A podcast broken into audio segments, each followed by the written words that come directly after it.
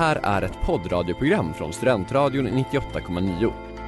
Alla våra program hittar du på studentradion.com eller i vår mobilapplikation Studentradion 98,9. Av upphovsrättsliga skäl är musiken förkortad.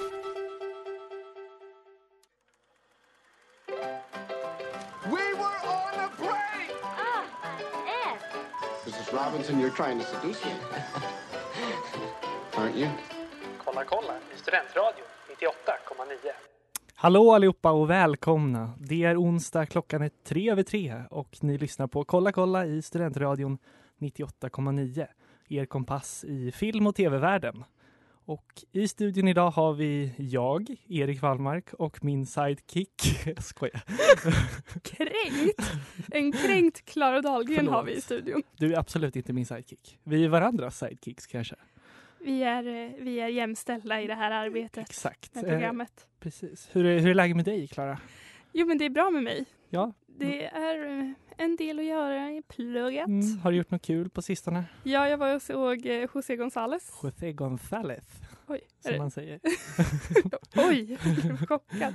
Ja, jag såg eh, honom på Uppsala konsertkongress i söndags. Det var väldigt, väldigt bra. Ja, ja, ja det, jag skulle varit där också, men jag var på stand-up comedy istället. Just det. Mm, Hur var det? Vem såg du? jag såg eh, Dave Chappelle och Jon Stewart eh, i Globen. Och det, var en, det var en märklig kombo tyckte jag, men det, det, det var ganska roligt. Jag är inget superfan av stand-up comedy, kanske inte du är heller vad jag vet. Jag älskar att du säger, säger hela Stand-up stand-up comedy, comedy. som att du är en gubbe. Exakt. Men är inte det så här, man pratar om stand-up comedy, det är liksom konstformen. Om man, om man liksom är insatt, då säger man stand-up comedy.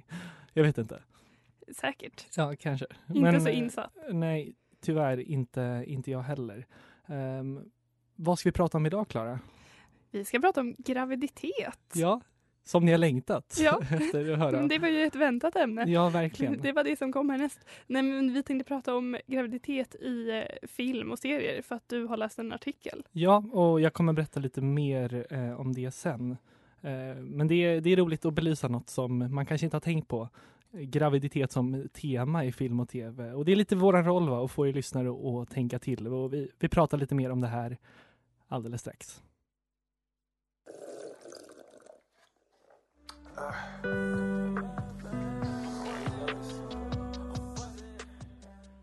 Det där var då Busu and Young Bands med OJ. Ni lyssnar på Kolla kolla i Studentradion 98,9 med Erik och Klara! Jajamän, och ehm, idag så pratar vi ju, eller ska prata om graviditet på film och tv och nu undrar jag, som vanligt Klara, vad känner du spontant inför graviditet på film och tv? Spontant bra, men det här är också något som vi kommer prata om senare. Att det, Ja, att det är ett sätt att driva en handling i en serie och att det på de senare säsongerna i en serie ofta är kvinnliga karaktärer som blir gravida för att man ska ta det till liksom nästa stadium i handlingen. precis. Och att det är ofta något som jag är ointresserad av för att det kanske handlar om så här unga singlar och sen ska det plötsligt handla om att de slår sig till ro och har familj istället. Mm, det är någon symbolik också i att liksom bli gravid, settle down så att säga. Ja, Och ja, men det är eh, ett lite trött grepp. Verkligen. kanske. Och ett väldigt vanligt grepp i alla sorters serier, inte bara så humorserier. Det känns som liksom drama och, och crime och vad det kan vara. Det är så. Precis. Precis. Men hur kommer det sig att vi ska prata om det här ämnet då? Ja, det var ju så att jag häromdagen, häromveckan stötte på en artikel inne på nöjesnyhetssajten Vulture eh, som handlade om hur graviditet och barnafödande skildras i filmer från gamla Hollywood. Ehm, filmbolagen back then följde ju en regelbok som hette The Production Code, eller produktionskoden, som låter mycket, mycket mindre glammigt. Eh, I alla fall i den här så stod det vad som fick visas och inte fick visas på film, på amerikansk film. Som en slags censur kan man ju säga. Och det var ju liksom katolska präster och det var, det var ju mycket så katolik inblandat i när man formade den här. Ehm, och det, det kunde vara hädelser, alltså typ säga Jesus Christ eller Oh Lord. Eh, Men också typ alla former av nakenhet och även så kränkningar mot en specifik nation, ras eller religion. Ett sätt för typ filmskapare liksom att förhålla sig till. Jag vet inte. Spännande. Tror du det här finns kvar idag? Jag tror att det finns någon slags liknande, mycket, mycket mindre reglerad såklart. Men Ja. för den här varade från, jag tror nu, nu höftar jag, men jag tror att det var från typ 34 till 68 eh, under liksom Old Hollywoods glansdagar. Eh, men något som även ingick i denna produktionskod var alltså graviditet och barnafödande. Och det sjuka är ju inte bara att det inte fick visas på film, men det fick inte ens nämnas eller explicit antydas till att någon var gravid. Så om en karaktär i en film skulle få barn så bety- betydde detta då att hon inte fick visa en gravid mage utan detta täcktes oftast med klädesplagg, till exempel långa rockar. Kvinnor fick vara gravida på film men en putande gravidmage, i, att det skulle få plats i en bildruta, det kom inte ens på tal.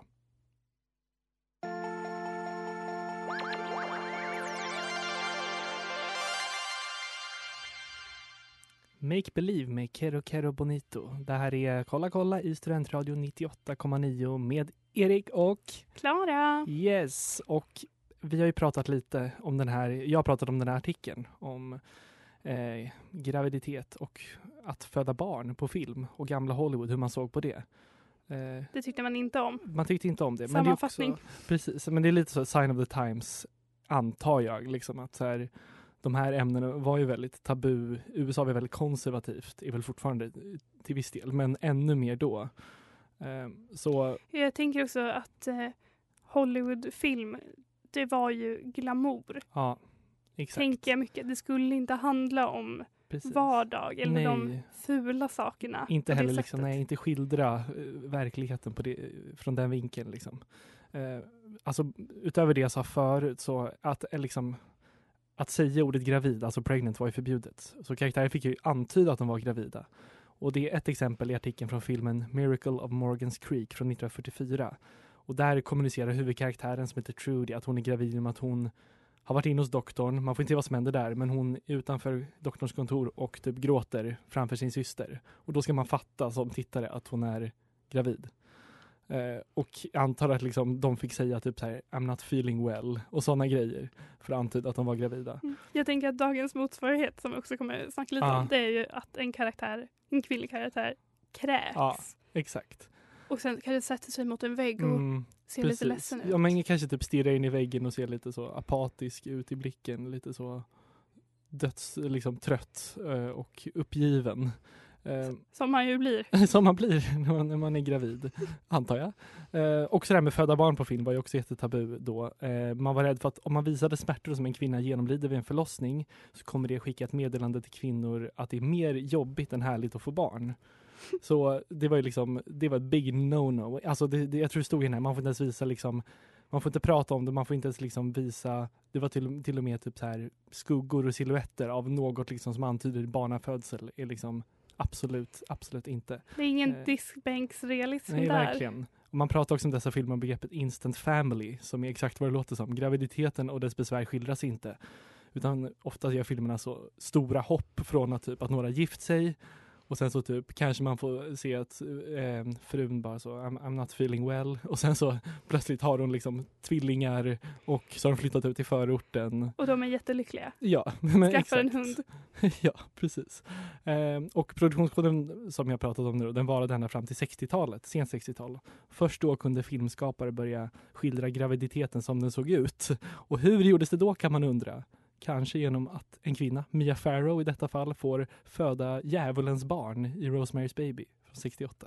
Spännande att gå från total censur till den här föda djävulens barn-grejen.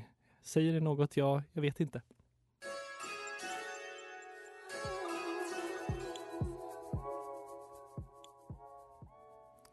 Där hade vi då Kate Ranada und underscore waiting underscore 115 med Kelela och Kate Ranada. Ni lyssnar på Kolla kolla i Studentradion 98,9 er kompass i film och tv-världen och i studion har vi Erik och Klara Dahlgren, jajamän, känd från radio. känd från radio, exakt. Ja, vi pratar ju om graviditet på film och tv. Och vi har pratat om hur det såg ut i gamla Hollywood när man inte fick tala om graviditet öppet i film eller karaktärer fick inte säga att de var gravida. Precis. Men det händer ju också att eh, kvinnor blir gravida. Och så kanske de också är skådespelare Ja, som är med i Exakt. en serie. Ja, inte, det är inte så att bara för man är skådis så får man inte ha ett liv, så att säga. Bra att du förtydligar. Ja, Nej, men, och då måste man ju som eh, serie, tv-serieskapare eller filmskapare, det är oftast tv-serier det handlar om när Ja. det sträcker sig över en längre tid. Men de måste Precis. hantera det här på något sätt. Mm, För man kan ju inte bara skriva av en exakt. karaktär ofta. Eller inte adressera en, liksom att det plötsligt putar en jättemage. Liksom. Exakt. Eh, och det finns ju ganska många exempel. Till exempel i eh, How I Met Your Mother Just det. säsong 4. Du såg om How Much Your Mother ganska nyligen va? Ja, Mm. det var... eh, Mm, det finns en del att säga om det. Det var ganska bra men det var också väldigt ofräscht. Ja, jag tänker mig att det har åldrats halvbra. Halvbra, verkligen. Men då i säsong 4 så är både Kobe Smulders som spelar Robin och eh, Alison Hannigan som spelar eh, Lily. De är gravida samtidigt. Samtidigt, okej. Ja, Ja. eh, och då pratar de här serieskaparna om hur de skulle dölja att de var gravida och det är mycket så filma framifrån. Ja. Kanske också att de väldigt ofta bär en väska Ja, framför magen eller står bakom en Mm. soffa till exempel. Eh, och det är ganska vanligt förekommande. Det, Jättevanligt. det kan man, om man börjar titta efter det så Ja. kan man se det Men så fort ofta. någon liksom i ett helt avsnitt, man kanske inte liksom ser hela den personens kropp, kan man ana att det kanske är Något är på gång. ett barn som lurar där. Barn där lurar i magen. Ja, Men också att de har extra bylsiga kläder och sånt. det. Men How Met Your Mother använder sig av ett ganska ovanligt grepp. För Al- Alison Hannigan ville vara föräldraledig. ja, Och då, som sagt, man kan ju inte skriva av henne från serien. Så då istället gjorde de så att Lily en scen kommer in på baren. Barney håller precis på att berätta ett dirty joke. Och, så, och sen så när Lily får höra poängen så Ja. säger typ så här I can't hang out with you anymore. Och så Ja. går hon och så säger då Ted som är berättarrösten And then we didn't see Lily for four weeks. Och sen är hon bara inte med jätte, i flera avsnitt. och, men det är också roligt på något sätt för de, de måste ju fattat själva att det där inte var liksom en bra, en smidig lösning, alltså serieskaparna. De måste tyckt att det var lite roligt att det var liksom ologiskt på något sätt, tänker jag. Ja men det var så, hon bara försvann. Hej då! Ja, hej då.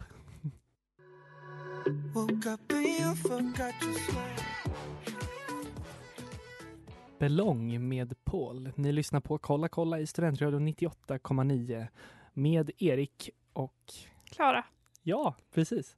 Um, det är som det enda jag säger i det här programmet. säg, ditt namn i- Det kan ibland. jag åtminstone. Ibland kanske jag håller med mig om någonting. Mm, jag är också här. Ja, nej, men du pratade lite om How Much Your Mother och hur de det är väl mest Lillys graviditet som liksom, eh, de döljer på, på det där sättet. Jag vet inte hur det är. Kobe Smulders kanske inte var lika höggravid. Nej, nej men jag tänker att hon vill ju vara föräldraledig. Ja, Så det var därför hon Det var var det. borta. Ja, Kobe. Smulders kanske inte var det. Hon kanske hade en make som tog Ja, sin del det. Mm. av ansvaret. ja. Upprörd blick från Klara just nu i studion. Genusvetenskap. A. Nej, men jag, jag har lite andra exempel på det här också när de försöker dölja graviditeter. Eh, något som jag faktiskt tänkte på när jag såg den här serien, det är inte så ofta man, man, man kanske lägger märke till det här som Klara pratade om förut. Det var ju eh, när jag såg Seinfeld och Elaine genom en hel säsong där kör de greppet att hon får bära grejer.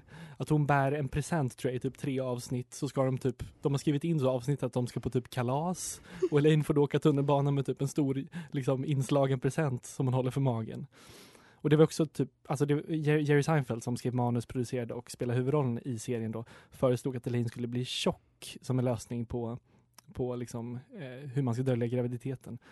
Men det är alltså som ett komiskt verktyg på något sätt. Men de körde ju på det mer kanske konventionella sättet och gömma magen istället. Jag tror även i New Girl så var Zoe de Chanel gravid Mm. och de gjorde typ på samma sätt. Alltså det är ju det här, alltså stora, stora kappor eller klädesplagg. Stora väskor, Precis. Kanske en basketboll Ja, exakt. som de håller i. Ja, eh, precis. Eh, I Arkivex också då, den här um, serien från 90-talet. Um, I Arkivex andra säsong så blev även eh, Gillian Anderson som spelar huvudkaraktären Dana Scully, blev, hon blev gravid då. Och då döljde man det likt de andra exemplen. Men till slut blev hon så pass gravid att... Hon blev så? så jäkla gravid. Så den enda utvägen blev att skriva in att hon skulle bli kidnappad av aliens. Det är så dumt. Ja, det är så dumt, men det roliga var att det funkade superbra för den där serien. För hittills, där, jag tror, ja, men det var i andra säsongen och man hade inte fått sett några aliens eller utomjordingar än. Och fansen blev ju superglada för plötsligt så var aliens liksom med i plotten.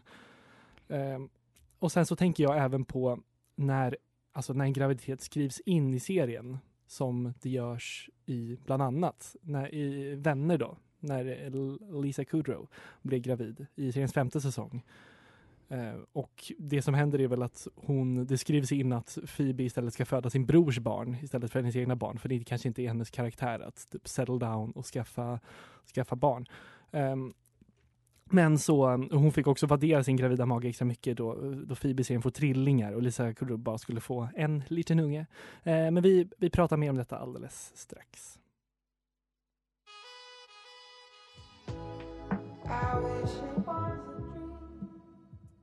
Där hade vi då Waited All Summer med Flake och Mercedes. Ehm, det här är Kolla kolla i Studentradion 98,9 och vi har idag pratat om graviditet på film och tv.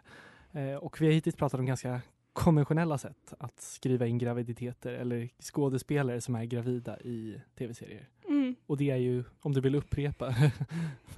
Ja men det är ju ofta att man döljer magen Ja. på olika sätt Exakt. med objekt Ja. eller eh, Det kameravinklar. är inte så ofta man liksom skriver in att graviditeten blir en del av handlingen. Nej. Eh, Jag har till exempel ett lite udda sätt. Man skriver in graviditeten i manus från den här komediserien Brooklyn 99 eh, Eh, med Andy Samberg i huvudrollen. Ehm, en av som spel, det utspelar sig då på en, en polisstation och en av ehm, karaktärerna där, Amy Santiago, detektiv Amy Santiago som spelas av Melissa Femero. Um, ehm, skådespelaren blev gravid och um, manusförfattarna bestämde att det här måste vi göra något med. Så de slog sina kloka huvuden ihop och detta ledde till storylinen Amy ska infiltrera ett fängelse. Hur ska hon göra det? Jo, hon ska låtsas vara en gravid person. Så alltså är skådespelaren gravid på riktigt, medan det i serien skrivs som en fake graviditet. Jag förstår inte riktigt hur det skulle hjälpa att infiltrera ett fängelse Nej. bara för att man är gravid. Exakt, och det känns också väldigt märkligt att är Som liksom... att alla bara, här går det runt en person och snokar. Ja, Men hon är ju gravid! Precis, så man- det är nog inget farligt. inte så super inkognito heller, liksom att vara en, en gravid kvinna på ett fängelse. Hur många sådana finns det, tänker jag. Ja, det är inte så många Inte så kvinnor många. som sitter i fängelse. Precis, nej, Vad beror det på? Jag undrar. Patriarkatet, Troligtvis. genusvetenskap A. Ja. Hej då. Genusklara strikes igen. Eh, Men detta ledde i alla fall till att hon slapp dölja sin graviditet. eh, För hon är verkligen höggravid i säsongen.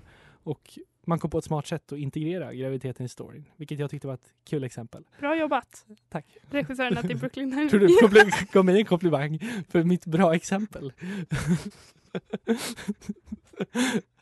I alla fall. Eh, Graviditet finns ju också i, som ett grepp i serier. Eller hur Klara? Ja, precis som vi, som vi pratade om. Ja. Ehm, att, eh, menar du det här jag sa om att de kräks? Ja, Eller så graviditet som trope snarare? alltså det, det finns ju olika, alltså det finns troper när man är gravid, men jag tänker typ den här tropen, alltså som en serie använder sig av Alltså ehm, när de kanske står, st- serien står still i handlingen, något måste hända. Ja, exakt. Då, ja, men då skrivs det ju ofta in en graviditet. Ja, precis. Jag har något bra exempel på det. Typ Ross och Rachel. Ross och Rachel. För där funkar det också som- exempel. Precis. Och de har inte, alltså när de, när Rachel, får man spoila vänner? Det får man. Ja, det får man. Rachel blir gravid och Ross är pappan och de har inte varit tillsammans på fyra säsonger typ. Så det blir också ett sätt för dem att återförenas. Så det går ju liksom att använda graviditeter eh, på, på så sätt i, i film och tv.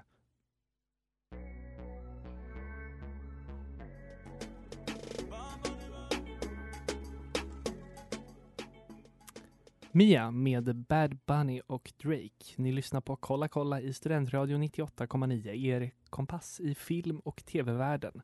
Och idag har vi pratat om graviditet på film och tv, eller hur? Ett favoritämne Ett favoritämne som vi faktiskt. brinner mycket Ja. för. Det känns viktigt att belysa det här känner jag. Men vi, vi pratade bland annat om ehm, alltså greppet graviditet när det kommer till liksom föra handlingen framåt, göra att något händer. Mm. Men sen finns det även det som är typ alltså karaktärsutvecklande grej.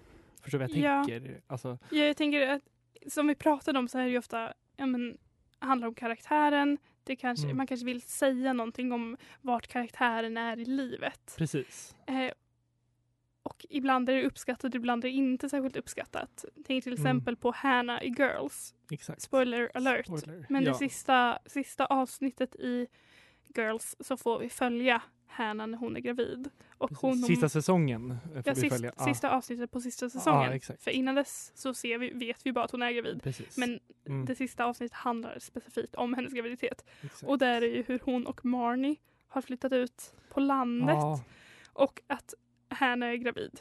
det. Och det här var ju inte särskilt uppskattat som Inte slut. Nej, och de, jag tror att de, alltså vad jag läser ägnade de mycket tid på det här slutet. Alltså de tog in också Judd Apatow var med och skrev sista avsnittet. För nu vill vi få till liksom ett värdigt slut. Men det blev ju super kritiserat för att det typ alla kände det här är inte vad girls är. Nej men det var precis det. Man bara, fast Hanna vill inte ha ett Nej. barn. Eller det passade inte hennes karaktär Det- överhuvudtaget. exakt. Och det kändes, mycket, det känns ganska ihophafsat. Mm. Som så här, nu måste vi få till ett slut på det här som liksom, alltså stänga på något sätt liksom alla storylines och liksom Ja men också att då skulle vi se att nu tar Hanna tagit sitt liv. Hon som har varit ganska oansvarig och lallat runt och kanske skitit i allt. Nu ska hon ta sig samman och skaffa sig ett ordentligt liv. Ungefär. Och det var ju inte hon som karaktär överhuvudtaget. Det stämde inte överens. Nej, exakt så. Um, alltså, jag heter inte sista avsnittet typ så här latching, tror jag. Alltså för att hela avsnittet handlar om att hon ska få barnet att latcha till hennes Just det. bröstvårta. Eller? Inte kul avsnitt. Nej, Inte ett kul alltså jag, avsnitt. jag kan Så förstå, jag, jag kan tycka finalen, alltså finalen, var det sista avsnittet, att det var helt okej. Men på något sätt så gjorde hela serien lite mer blek i mina ögon. Så här, jag minns sista säsongen som ganska typ så här, alltså tråkig, färglös typ. Kanske på grund av det där sista avsnittet. Um, men eh, nu har vi ett inslag Ett nytt segment. som heter Klara hittar på en trope. Vi har pratat lite om vad finns det för tropes kring graviditet? Hur agerar liksom ofta? Trope betyder ju då en klyscha om man ska förklara det, tänker jag. Ja, exakt. Mm. Och då, vi pratar ju om en trope kanske att karaktären spyr och då fast man, aha, hon är gravid. Men nu har jag hittat på en trope och det är den gravida systern. Den här Ja. finns alltså inte, Nej. men min feeling säger mig att det finns många sådana här karaktärer. Who's to judge vilka tropes som finns och inte? Exakt. Och jag tänker att den gravida systern, det är ofta en gravid syster som är syster till den manliga huvudkaraktären. Mm. Eh, och den här manliga huvudkaraktären, han är en douche och han är onajs. Men sen så tar han med sig den kvinnliga huvudkaraktären och kärleksintresset till sin familj. Och där får man se den rosiga höggravida systern och alla hennes barn. Det är en väldigt fertil kvinna. Och hur han älskar henne och då förstår den kvinnliga huvudkaraktären. Och han älskar verkligen sin familj. Och sen kanske eh, födseln, om man ska säga, är en del av eh, handlingen också när systern ska Mm. föda barnet. Jag känner att det är en ganska bra trope. Det känns som man har sett den, men inga exempel kanske. Inga exempel Inga finns. exempel. Men Källa feeling. Klara hitta på en trope. Vi hoppas eh, detta inslag kommer tillbaka snart i framtiden.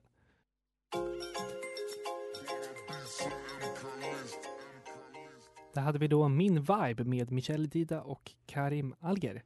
Eh, Det här är Kolla kolla i Studentradion 98,9. Med Klara och Erik. Ja, exakt. Och ehm, jag tänkte fråga dig Klara, vi har ju pratat om graviditeter i film och tv idag. Har du någon favoritgraviditet i film och tv? Ja, jag har faktiskt en favorit som vi redan pratat lite om och det är Phoebe i Vänner det, ja. när hon är gravid. Bara för att hon är lite härlig kring sin Ja. graviditet. Typ att hon kommer på att hon kan äta flingor från sin mage. Så hon ställer en flingskål Ja. på magen och äter. Och sen också när hon kommer in någon gång och säger åh jag har köpt massa mammakläder. Och så har hon på sig ett par jättestora tomtebyxor.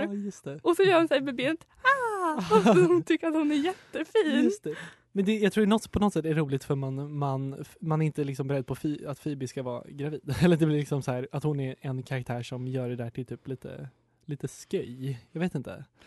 Ja men också som du pratade om eh, Mm. alltså förutsättningarna, eller man ska, Ja. omständigheterna kring hennes graviditet. Att hon bär på sin brors barn. Ja, Också när hon säger det till folk, I'm pregnant with my brother's babies. ja exakt. Så måste man Och- förklara det där. och sen jättejobbigt. att hon ska förklara det. Och Ja. Nej men alltså, ja, exakt. Just det. Ja, det är bara surrogatmamma.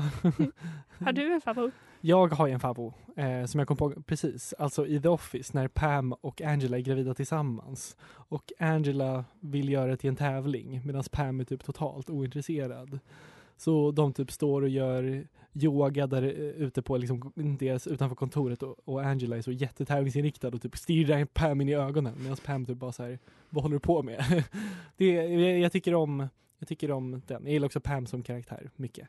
Eh, så det är visst därför. Hur tror du att du skulle hantera en graviditet? Eh, jag tror att jag skulle vara jättejobbigt. Alltså, jag, det är väldigt svårt att sätta, in, sätta mig in i hur det skulle kännas. Ja, det är väldigt svårt för alla som inte Ja. gravida. Det är väldigt svårt även för mig. Jag tror att man, man skulle bli överraskad kanske av hur liksom eh, tungt det är att bära ett, liksom ett barn på magen, tänker jag. Jag det- tänker också på den låten av Garfunkel and Oates. Ja, Pregnant Women Are Smug. just Har du det. hört den? Eh, jag tror att du har visat mig den. Vi får länka till den på, på Facebook eller något så kan ni gå in och, och kolla. Den är väldigt, väldigt rolig. Men också något som man pratar om att en del kvinnor mår så fruktansvärt dåligt Ja. när de är gravida. Jag också läste, jag läste på Underbara Klaras blogg att hon Mm. pratar om allt hon mår illa av. Ja. Och att det är så konstiga saker. Typ hon mår dåligt av sin uteplats. Va? Eller att folk mår dåligt av en särskild gång Ah, på okej. en matvaruaffär. Ah. Eller av en speciell app. Just det, men det är sådana saker man inte kan förklara typ när man är gravid, I guess. Eh, vi är väl klara för idag. Mm. Eh, det var roligt att prata med er igen. Eh, nästa vecka är vi tillbaka med något, något annat spännande. Om något vagt men underbart. Exakt, som vanligt. Eh, ha det bra tills dess. Hej då! Hej då! Det där var en poddradioversion av ett program från Studentradion 98,9. Alla våra program hittar du på studentradion.com eller i vår mobilapplikation Studentradion 98,9. Att lyssna fritt är stort, att lyssna rätt är större.